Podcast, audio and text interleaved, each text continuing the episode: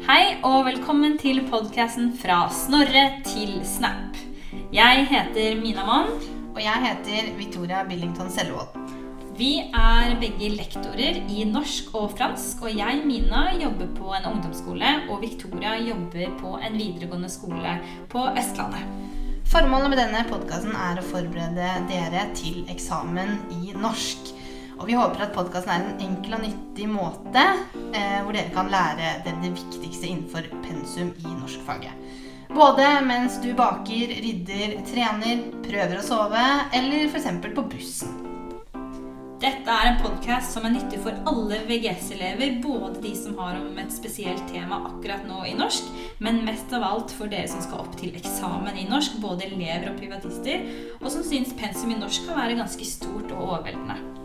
Eller kanskje du bare vil svare riktig på 1000-kronerspørsmålet på quiz, brife med intellektuell kunnskap i vennegjengen, eller rett og slett bare er interessert i norsk språk og kultur.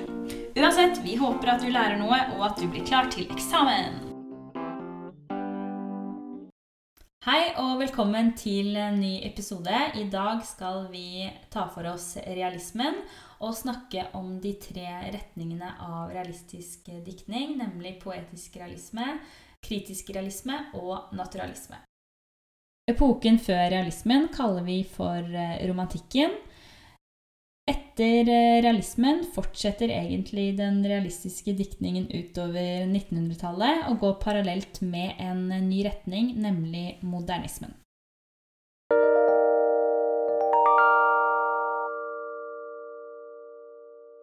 Og hvordan var samfunnet i Europa på 1800-tallet, Victoria? Ja, i Europa så var det store forandringer i samfunnet fra midten av 1800-tallet. Dette var jo mye grunnet industrialiseringen. Og eh, mennesket hadde igjen troen på framskrittet, som vi kan kjenne igjen fra renessansen og opplysningstiden. Eh, blant annet så fikk religionen igjen mindre betydning, og eh, samfunnet var preget av urbanisering. Eh, byene vokste, og mange flyttet også inn til byene. Eh, og så oppsto bl.a. arbeiderklassen og handelsborgerskapet. Eh, I tillegg, med denne industrialiseringen, så eh, bygde man bedre veier, og eh, man bygde også nye jernbaner. Så det var mye positivt med dette samfunnet som eh, fikk nye, flotte bygg og veier. Men det var også negative sider. Blant annet så, så man at eh, det ble veldig store forskjeller i samfunnet. Det var mye fattigdom, spesielt eh, rundt på bygdene. Og det var mye undertrykking både av de lavere klassene og f.eks. kvinner. I tillegg så, så man også et maktmisbruk hos de som hadde makten. Når det gjelder vitenskap, filosofi og politikk, så vokste det bl.a. fram noen nye yrker og fagområder. Bl.a. Eh, fagområder som psykologi, pedagogikk og sosiologi. Man ble spesielt opptatt av eh, hvordan menneskene levde. Eh, og vitenskapens funn ble satt opp mot eh, religionen. Og religionen ble igjen, som vi har sett tidligere, eh, en mer en privatsak. Og så, når det gjelder politikken, så ble den eh, litt mer liberal. Det betyr at eh, hvem som helst, så lenge man selvfølgelig hadde penger og rikdom, kunne starte sin egen bedrift.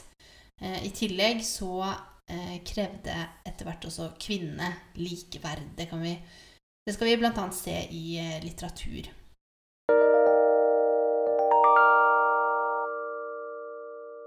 Ja, så det var litt om samfunnsforholdene generelt i Europa. Men hvordan så det ut i Norge, da? I Norge så begynner også samfunnet å endre seg i en mer moderne retning. Mye pga. industrialiseringen som også preger eh, Norge. Parlamentarismen den blir faktisk innført i 1884 og fører til at kongen da får mindre makt, fordi det er de folkevalgte medlemmene av Stortinget som bestemmer hvem som sitter i regjering. Flere og flere ville også ut av unionen med Sverige. Vi fikk en eh, mer omfattende offentlig debatt. Det var flere enn før som deltok, og både kvinner og bønder var med. Debatten den foregikk også i litteratur og kunst. Og vi har jo maler og forfatter Christian Krogh, som ved å male et bilde av en prostituert kvinne, altså maleriet Albertine, deltar i den offentlige debatten om prostitusjon. Så kvinners situasjon ble et eh, viktig tema i realismen. Eh, fordi med den økende urbaniseringen så ble det også eh, økt prostitusjon i Norge. Flere og flere aviser etableres utover 1800-tallet. Starter i 1860-årene. Flere kan også lese i Norge nå. Skolen skulle ikke bare være et sted man lærte kristendom, men den skulle gi allmenndannelse til alle. Så vi ser at det foregår en verdsliggjøring av samfunnet i Norge på slutten av 1800-tallet.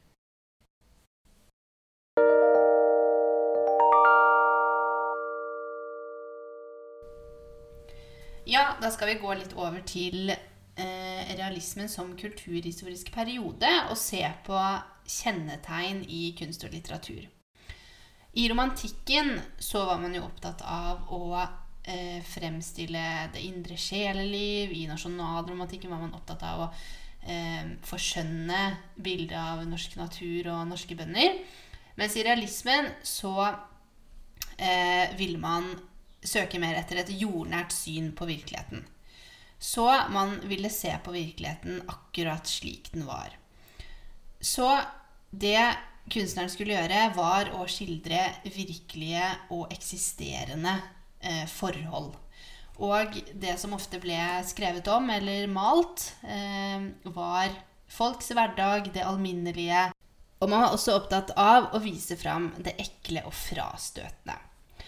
Så kunstnerens eh, mål det var da å skape medlidenhet bl.a. for de fattige og de svake og utstøtte i samfunnet.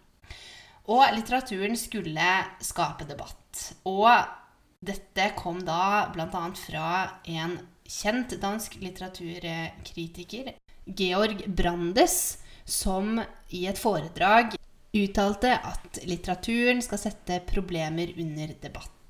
Det var viktig å avsløre samfunnets hykleri, løgn og svindel. Og det var derfor mange forfattere som skrev om hvordan menneskene virkelig hadde det under eh, realismen. Georg Brandes uttalelse ses på som det moderne gjennombrudd og markerte et skille i litteraturhistorien. Fra sterke følelser i romantikken var man nå opptatt av at litteraturen skulle ha funksjon som eh, viktig del av samfunnsdebatten og noe som skulle føre til en endring. Vi skiller mellom tre ulike retninger innenfor realismen. Det er da poetisk realisme, kritisk realisme og naturalisme. Vi starter litt med poetisk realisme. Vi sier at den varer fra ca. 1850 til 1870. Og den markerer på en måte overgangen fra eh, romantikk til eh, realisme. En av våre mest kjente forfattere innenfor poetisk realisme er Bjørnstjerne Bjørnson. I sine fortellinger tok han ofte utgangspunkt eh, i en romantisk forestilling av bonden, men han skildret dem som eh, ikke feilfrie. De hadde mange skavanker, disse bøndene til eh, Bjørnson. De var komplekse mennesker. Eh, blant annet ser vi dette i hans roman 'Synnøve Solbakken'. Så han brøt med romantikkens idyll, men han hadde en fot innenfor romantikken samtidig som han skrev realistisk. En annen kjent forfatter fra denne Eh, retningen er Camilla Collett. Hun skrev samfunnskritiske romaner, bl.a. Eh, 'Amtmannens døtre', som tar opp eh, arrangerte ekteskap. Så hun skrev samfunnskritisk. Hun ville fortelle om urettferdighet i samfunnet, men hun hadde en romantisk skrivemåte. Eh, bøkene hennes bugnet av følelser, hun hadde innslag av dagboksnotater, og hun henvender seg ofte til leseren. Men hun var altså en del av denne tendenslitteraturen som ville eh, formidle urettferdighet for at man skulle kunne se en forandring. Etter hvert så begynner altså denne poetiske realismen å gå mer over i en slags kritisk realisme. Da er vi på 1870. Dette var en samfunnskritisk litteratur. I den kritiske realismen så skrev man om eh, alle problemene som var i samfunnet, og man ville skape en forandring. Det hersket en optimisme blant eh, disse forfatterne. Eh, blant annet den meget kjente Henrik Ibsen. Han var en kjent forfatter innenfor kritisk realisme. Han hadde håp for sine karakterer. For ham var det viktig at mennesket må ta ansvar for sitt eget liv, sånn som Nora gjør i et dukkehjem. Hun tar ansvar, hun forlater mannen og barna sine fordi hun har håp om en bedre framtid for seg selv. Litteraturen innenfor den kritiske realismen eh, hadde ofte handlinger som foregikk eh, i et borgerlig miljø. Eh, og forfatterne de hadde et litt kritisk blikk mot dette borgerskapet. Idealer innenfor denne retningen det var sannhet, åpenhet og ærlighet. Og dette ble det lagt mye vekt på i romanene og novellene og skuespillene som ble skrevet. Typiske temaer for den kritiske realismen det er kvinnekamp. Her er jo Ibsen en viktig forkjemper. Og kritikk av kirke. Typiske trekk ved den realistiske diktningen det er at eh, skildringene ofte er veldig naturtro. Det er detaljerte miljøskildringer. Handling i romaner og noveller er ofte preget av dialog. Eh, det er ofte mange typer i novellene og romanene. Synsvinkelen er eh, ikke sjelden allvitende, altså man får tilgang til det alle eh, tenker og føler. Og slik vil vi også få et mer realistisk og helhetlig bilde av en virkelighet. Og så til slutt, Henrik Ibsen er jo som sagt en viktig eh, forfatter innenfor kritisk realisme. Men vi har også en annen veldig kjent eh, norsk forfatter, og det er Alexander Kielland, som vi skal eh, ta for oss etterpå. Så den siste retningen innenfor realismen den kaller vi for naturalisme. og Den starter ca. 1880. Noen kjente forfattere innenfor denne retningen er Arne Garborg og Amalie Skram. I naturalismen så skulle man skildre samfunnet detaljert. Man skulle ta med det heslige, groteske eh, og det stygge i samfunnet skulle frem. Så dette er realistisk diktning som har funnet sitt eh, ytterpunkt. I naturalismen så mente man at det var driftene som styrte mennesket. Og naturalistene hadde et deterministisk syn på livet. Man kunne ikke bryte ut av de klassene man var født inn i. Og dette er jo selvfølgelig et uh, mer pessimistisk syn enn uh, den optimismen som vi ser i den kritiske realismen, der man tenker at det kan gå bra, her har man ikke noe håp. Og det er veldig lite man kan gjøre for å endre sin uh, situasjon. Typiske temaer innenfor naturalistisk diktning er kvinneundertrykkelse, det er også en del eh, fattigdom som tas opp i disse um, romanene og novellene fra naturalismen. Eh, seksualitet er et nytt tema som blir utforsket. Så vi ser at det er mange emner og temaer som før har vært eh, tabu, som nå blir eh, tatt opp og eh, skrevet om. Og Her ser vi et tydelig skille mellom den kritiske realismen og naturalismen. For den kritiske realismen tør ikke helt å ta tak i det som er ekkelt og stygt og heslig, eh, mens naturalismen nesten bader eh, i det. Der litteratur fra den kritiske realismen gjerne foregikk i borgerlige miljøer, tar man nå utgangspunkt i de lavere samfunnslag. Eh, historiene til de fattige blir nå fortalt. Dette reflekteres i språket, i dialogene som blir brukt. Det er en del dialekt. Eh, og sosiolekter som preger dialogene.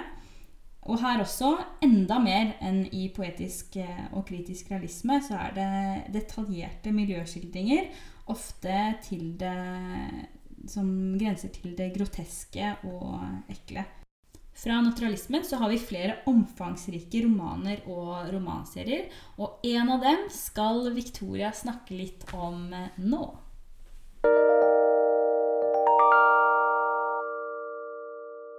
Da skal jeg snakke litt om Amalie Skram og hennes eh, romanserie 'Hellemyrsfolket'. Amalie Skram hun er en kjent norsk forfatter fra realismen.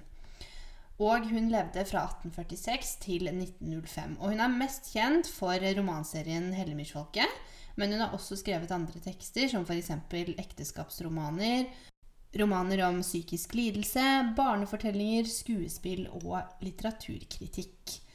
Hun skrev oftest naturalistisk, og hun skrev da om sannheten om menneskets livskår.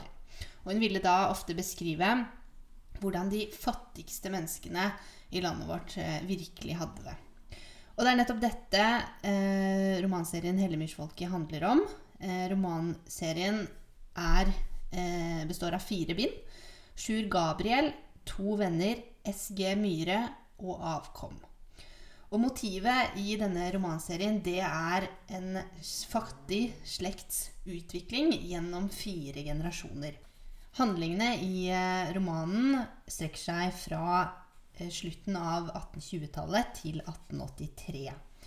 Og eh, hovedtematikken i disse romanene er hvordan disse menneskene er dømt av skjebnen, som igjen er bestemt av arv og miljø. Så her kan vi se typiske naturalistiske trekk ved at eh, disse menneskene er født inn i en eh, lavere samfunnsklasse som de ikke kommer seg opp av. Og den teksten jeg skal se på, det er et utdrag fra SG Myhre, som da er den tredje romanen i serien. Så vi skal se litt på naturalistiske trekk i dette utdraget. Eh, og SG Myhre eh, handler bl.a. om Sivert, barnebarnet til Oline Aashur Gabriel. Oline Aashur Gabriel er de eh, romanen handler om fra begynnelsen. Eh, romanen 'Sjur Gabriel' handler jo da om denne mannen, som da er gift med Oline. Og de opplever mye motgang i livet sitt, og eh, vi kan også se gjennom eh, bøkene at de drikker veldig mye, og de, de har det ikke bra. I det tredje bindet så får dette barnebarnet, Sivert, han får en lærlingsplass hos en kjøpmann i Bergen. Eh, denne familien bor da eh, på Hellemyr utenfor Bergen. Og det er ganske stort da at han får eh, denne lærlingsplassen. Han får da en mulighet til å komme seg ut av fattigdommen. Men det som skjer, som er litt synd, er at han blir forført av denne kjøpmannens datter. Og det gjør at han eh, mister denne stillingen. Det vil han ikke da for, fortelle for familien. Um, og han sier at, han, at det at han dro hjem for å hjelpe sin døende farfar, at det var grunnen til at han ble oppsagt. Men nå er eh, farfaren hans død, og i dette utdraget som jeg skal eh, finne noen eh, eksempler til dere for, så er de da for å se på og flytte dette liket av farfaren. Og vi kan se allerede på stemningen hvordan eh, det er både negativt og eh, pessimistisk. Eh, blant annet så bærer de denne likkisten av eh, farfaren til Sivert. Og det står at de måtte holde hodet på skjeve for å gi den plass. Så man kan se at det var en stor eh, kiste som var vanskelig å bære. Det regnet fremdeles, så det er dårlig vær. Um, I tillegg så står det at myrmarken gynget under deres føtter med en vassen lyd for hvert skritt. Det var tungt å gå. Så allerede så kan vi se hvordan eh, stemningen reflekteres i miljøbeskrivelsene. I tillegg så beskrives dette liket, og da legger man ikke skjul på uh, hvor uh, fælt liket ser ut. Uh, blant annet står det Ut av de halvlukkede øyelokk kikket de brustne pupiller, som var senket så lavt at hvitene ikke synes. Munnen var åpen, og nedover det flokete skjegg lå et blålig, stivnet skum. I kinnene var det sortgule striper, og nesen var mørkeblå. Så man kan se at eh, dette liket eh, muligens ikke har blitt tatt så godt hånd om. Og vi kan også se at eh, klærne liket har på seg, eller denne farfaren, det er en hullete skjorte. Så man kan anta at disse menneskene ikke hadde råd til å kle liket i noe staselig. I tillegg så er det en lukt som uh, går gjennom i dette utdraget av dette liket. Det står bl.a.: Jysses, for en liklukt, hvisket Sivert. Og senere Sivert gikk bort for å se på farfaren, men måtte straks snu seg bort fordi stanken var så ulidelig. Og videre så står det da Eg brekker meg ved stanken, svarer Peter Tønnesen og skynder seg ut. Så dette liket får, ikke akkurat en sånn respektabel eh, beskrivelse i dette utdraget. Eh, vi kan også se eh, hvordan eh, Oline, altså farmoren, blir beskrevet. Eh, hun ligger og sover. Eh, det står at faster Ingeborg synes det var for galt at farmoren skulle ligge og snorke ved siden av liket. Den sorte bylten langs med veggen oppe i sengen var altså henne. Så eh, de, denne beskrivelsen er jo da denne sørgende enken, men som blir beskrevet som en, kun en sort bylt eh, langs ved veggen.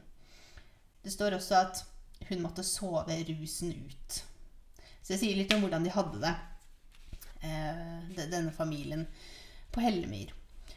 I tillegg så kan vi se, som vi nevnte tidligere, eh, litt på språket også, hvorfor denne teksten nettopp er naturalistisk. Eh, som Mina nevnte i stad, så er det bl.a. brukt dialekt.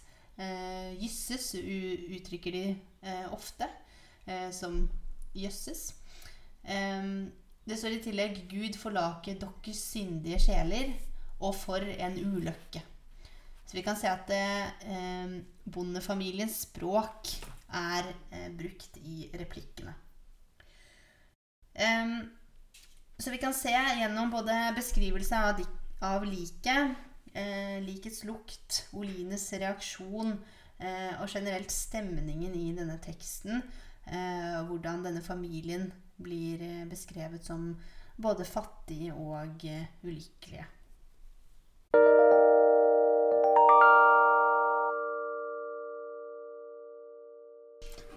Den andre teksten vi skal ta for oss i dag, det er novellen 'Karen', skrevet av Alexander Kielland, eh, som da skriver innenfor retningen kritisk realisme. Novellen ble utgitt i 1882 som en del av novellesamlingen eh, To novelletter fra Danmark. Eh, Alexander Kielland er en av våre mest kjente forfattere fra realismen. Han kom fra en rik familie i Stavanger. Han fikk på et eh, tidspunkt økonomiske problemer, faktisk, og selveste Bjørnson og Lie søkte om en diktergasje for ham, men den ble avslått. Og det var fordi diktningen til Kielland ble regnet som en fare for eh, ro og orden. Så det vil si at eh, Alexander Kielland var virkelig en som satte problemer under debatt, og diktningen hans skapte virkelig debatt i Norge. Typiske temaer som han tok opp i diktningen sin, det var religion og kirke. Eh, samliv og ekteskap. Det var skole og latinundervisning, som vi ser i den kjente romanen 'Gift'. Eh, Han tok opp eh, plikt og moral og hykleri i samfunnet. I Karen så er motivet en ung jente ved navn Karen som jobber på en kro, og som det viser seg har blitt gravid uten at hun er gift eller er i et fast forhold. Hun har rett og slett eh, kommet i ulykka, som man sier. Novella er bygd opp rundt en parallellhandling, og den foregår på tre ulike steder. Foregår i Krarup kro, der Karen jobber. eh, I vinden som beveger seg, og i Torvmyren, der en hare og en rev befinner seg. Novella starter med en ganske inngående skildring av Karen, og den begynner slik. Det var en gang i Krarup kro en pike som het Karen. Selve konflikten den dreier seg rundt eh, postførerens besøk på denne kroen. Fordi eh, når han ankommer, så forsvinner både postføreren og Karen eh, ganske raskt. De er borte en liten stund. Og fordi de begge er ganske varme og opptrer litt sånn mystisk eh, når de kommer tilbake, så skjønner vi at de to har en affære sammen. Og etter at han har eh, dratt igjen, så overhører Karen noen menn som snakker om at postføreren er gift. Og da blir Karen ganske forferdet. Eh, Hun forsvinner ut av eh, kroen, og vi forstår at hun tar selvmord. Temaer som blir tatt opp i denne novellen, det er kjønnsroller, utroskap, kjærlighet ikke minst, men også svik og naivitet. Det kan være noen av temaene. Det er mange ulike litterære og språklige virkemidler som får fram historien og tematikken i Karen. For det første så er det parallellhandling, og Kielland han fletter disse tre historiene sammen på en veldig elegant måte som gjør at det er enkelt å forstå at de henger tett sammen. Vi har en uh, autoral forteller, men synsvinkelen den ligger hos ulike personer uh, gjennom uh, novellen, så vi får tilgang til fleres tanker og følelser, og det gjør at vi får et veldig realistisk og um, helhetlig bilde av, eh, av eh, historien. Og istedenfor å si ting rett ut, så aner vi bare hva som skjer. Vi må forstå sammenhengen i historien ut ifra små hint som Kielland eh, gir oss. Blant annet så forstår vi at hun er gravid fordi hun har fått for trang kjole. Så det er et ganske subtilt hint, egentlig. Og vi aner også historien bedre ved hjelp av metaforene som man bruker. Eh, det skal ikke så mye til for å forstå at eh, haren og reven er metaforer på karen og postføreren. Fordi reven ligger liksom og lurer litt på haren, som hopper uskyldig eh, omkring. Og reven den er ganske slu og veldig tilfreds med seg selv. Som det står i teksten den tenkte selvbehagelig over hvorledes revene bestandig blir klokere og harene bestandig dummere. Og I denne historien så jakter jo reven på haren, men haren blir jo skremt av plasket til karen, som er når karen antageligvis da tar selvmord. Og haren blir da utenfor revens eh, rekkevidde og utenfor fare. Og hvordan kan vi egentlig tolke dette? Kan det være slik at uh, Kielland tenkte at Karen hun fungerte som en slags advarsel for uh, andre unge jenter som ikke måtte begå samme feilen som Karen hadde gjort? Det finnes også andre språklige bilder i denne novellen, bl.a. vinden. Vinden kan vi jo se på som et, uh, et symbol for den forelskelsen som tar Karen med storm, og som virvler rundt og gjør ugagn på Krarup kro. Vi finner også frampek i denne teksten. Et litt foruroligende frampek. Det står Bakenfor Krarup kro lå torvmyren mørk med sorte torvskur og dype, farlige hull. Og innimellom lyngtunet buktet det seg en stripe av gress, som om det kunne være en vei, men det var ingen vei, for den stanset like i kanten av en torvgrav som var større enn de andre og dypere også. Så her aner vi at det skal skje noe, at det er noen som kanskje har blitt eh, lurt, og at det er en fare som eh, venter. I tillegg så er novellen bygget eh, opp eh, med sirkelkomposisjon. Både vinden som blåser, ser vi i eh, starten og i slutten, og eh, det var en gang. Og denne sirkelkomposisjonen kan vi kanskje se på som et bilde på at dette er en stadig tilbakevendende problemstilling. Vinden som fortsetter å blåse og fortsetter å lokke stakkars unge jenter inn i ulykka. Og hva slags typiske realistiske trekk kan vi finne i denne teksten? Jo, for det første så ser vi en enorm detaljrikdom der inngående skildringer skildrer veldig nøyaktig. Eh, I tillegg så er det jo en samfunnskritisk tekst. Eh, og Kielland kritiserer eh, klasseskiller, og han tar opp temaer som kvinnekamp og kvinnenes rolle.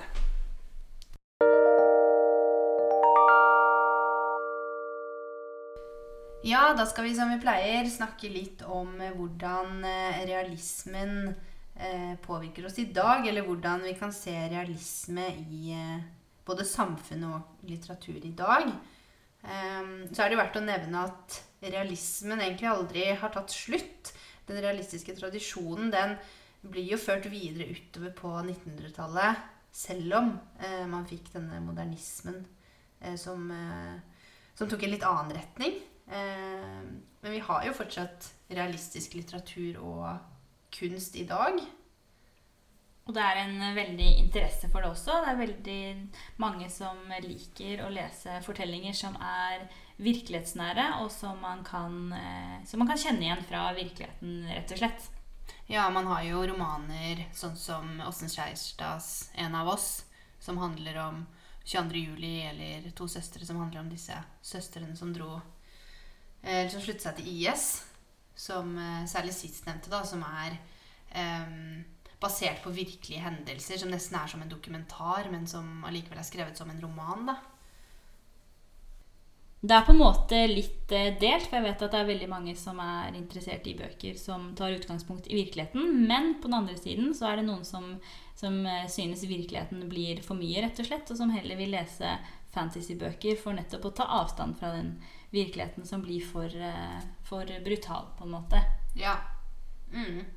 Ja, så har man jo Jeg tenker liksom realis, realisme. Man har jo både på TV så har man jo veldig mye eh, Hva skal jeg si eh, Virkelighetsnære programmer som allikevel er staged. Da. Så det blir jo litt sånn eh, motstridende, egentlig. Disse eh, Firestjerners middag hvor eh, kjendisene drar og spiser middag sammen. Men, så du, du på en måte får innblikk i deres virkelige liv, men er det egentlig det? på en måte? Ja, det kan man diskutere, og det gjelder jo også f.eks. Eh, sosiale medier, der det har vært mye diskusjon eh, om bruk av eh, filter, f.eks. Mm. mange vil nå at man helst skal vise et ufiltrert bilde av, av virkeligheten, og det er mange som legger ut bilder f.eks. etter de har eh, født, eller legger ut Mm. bilder når de ikke nødvendigvis har det så bra, for å vise, eh, for å vise sin eh, virkelighet, da, rett og slett. Mm. Jeg tenker jo at hvis man ser på det, altså det som legges ut, og det som skrives, og sånne type ting, så vil man jo si at eh, Jeg vil jo absolutt si at eh, både sosiale medier, litteratur og kunst eh, skaper debatt. Jeg tenker at debatten er jo veldig reell i dag, og nesten alt føler jeg blir jo en debatt. Ja. Alt som legges ut, i hvert fall av eh, eh, folk som har mange følgere og sånt, da. Ja, det er fortsatt eh, mange forfatteres mål å eh, Bli snakka om. Ja. Eller, og kanskje også gjøre en endring. mm, Jeg vet ikke. Ja. mm, provosere litt for å få fram noe. ja. Men så er det, jo- er det jo også å si Man kan jo også si det at eh, eh, litteratur fra realismen faktisk også er ganske populært, da.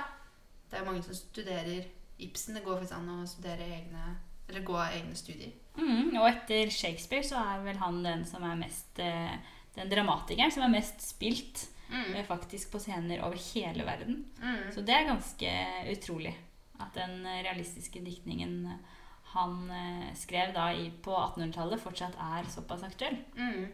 Jeg tenker jo at den Jeg opplever jo det med, med elever, at eh, de ofte syns at realismen er ganske grei å eh, lære om, da. Fordi det nettopp er såpass eh, Hva skal jeg si realistisk. Ja. ja.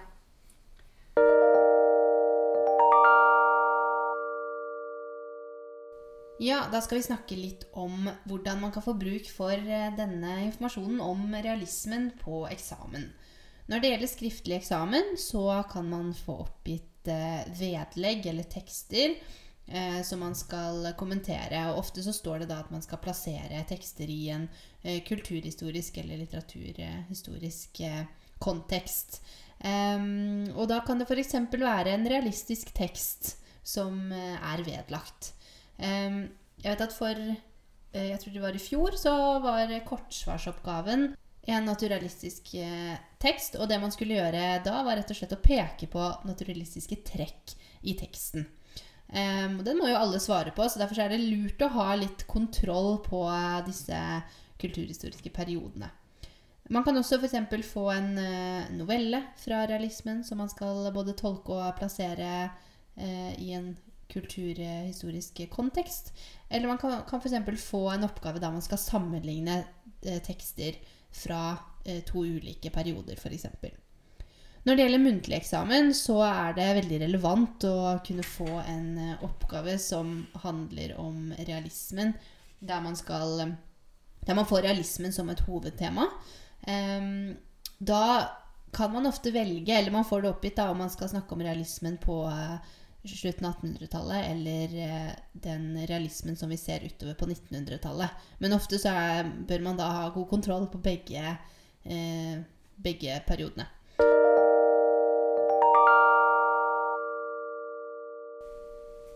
Da er vi ved veis ende, og vi kan konkludere med at realismen er en reaksjon på følelsesfokuset i romantikken. I neste episode så skal vi snakke om modernismen, som bryter med tradisjonell eh, diktning. Og ikke fortvil, vi har så vidt eh, nevnt Ibsen i denne episoden, men vi skal lage en hel episode kun for Ibsen.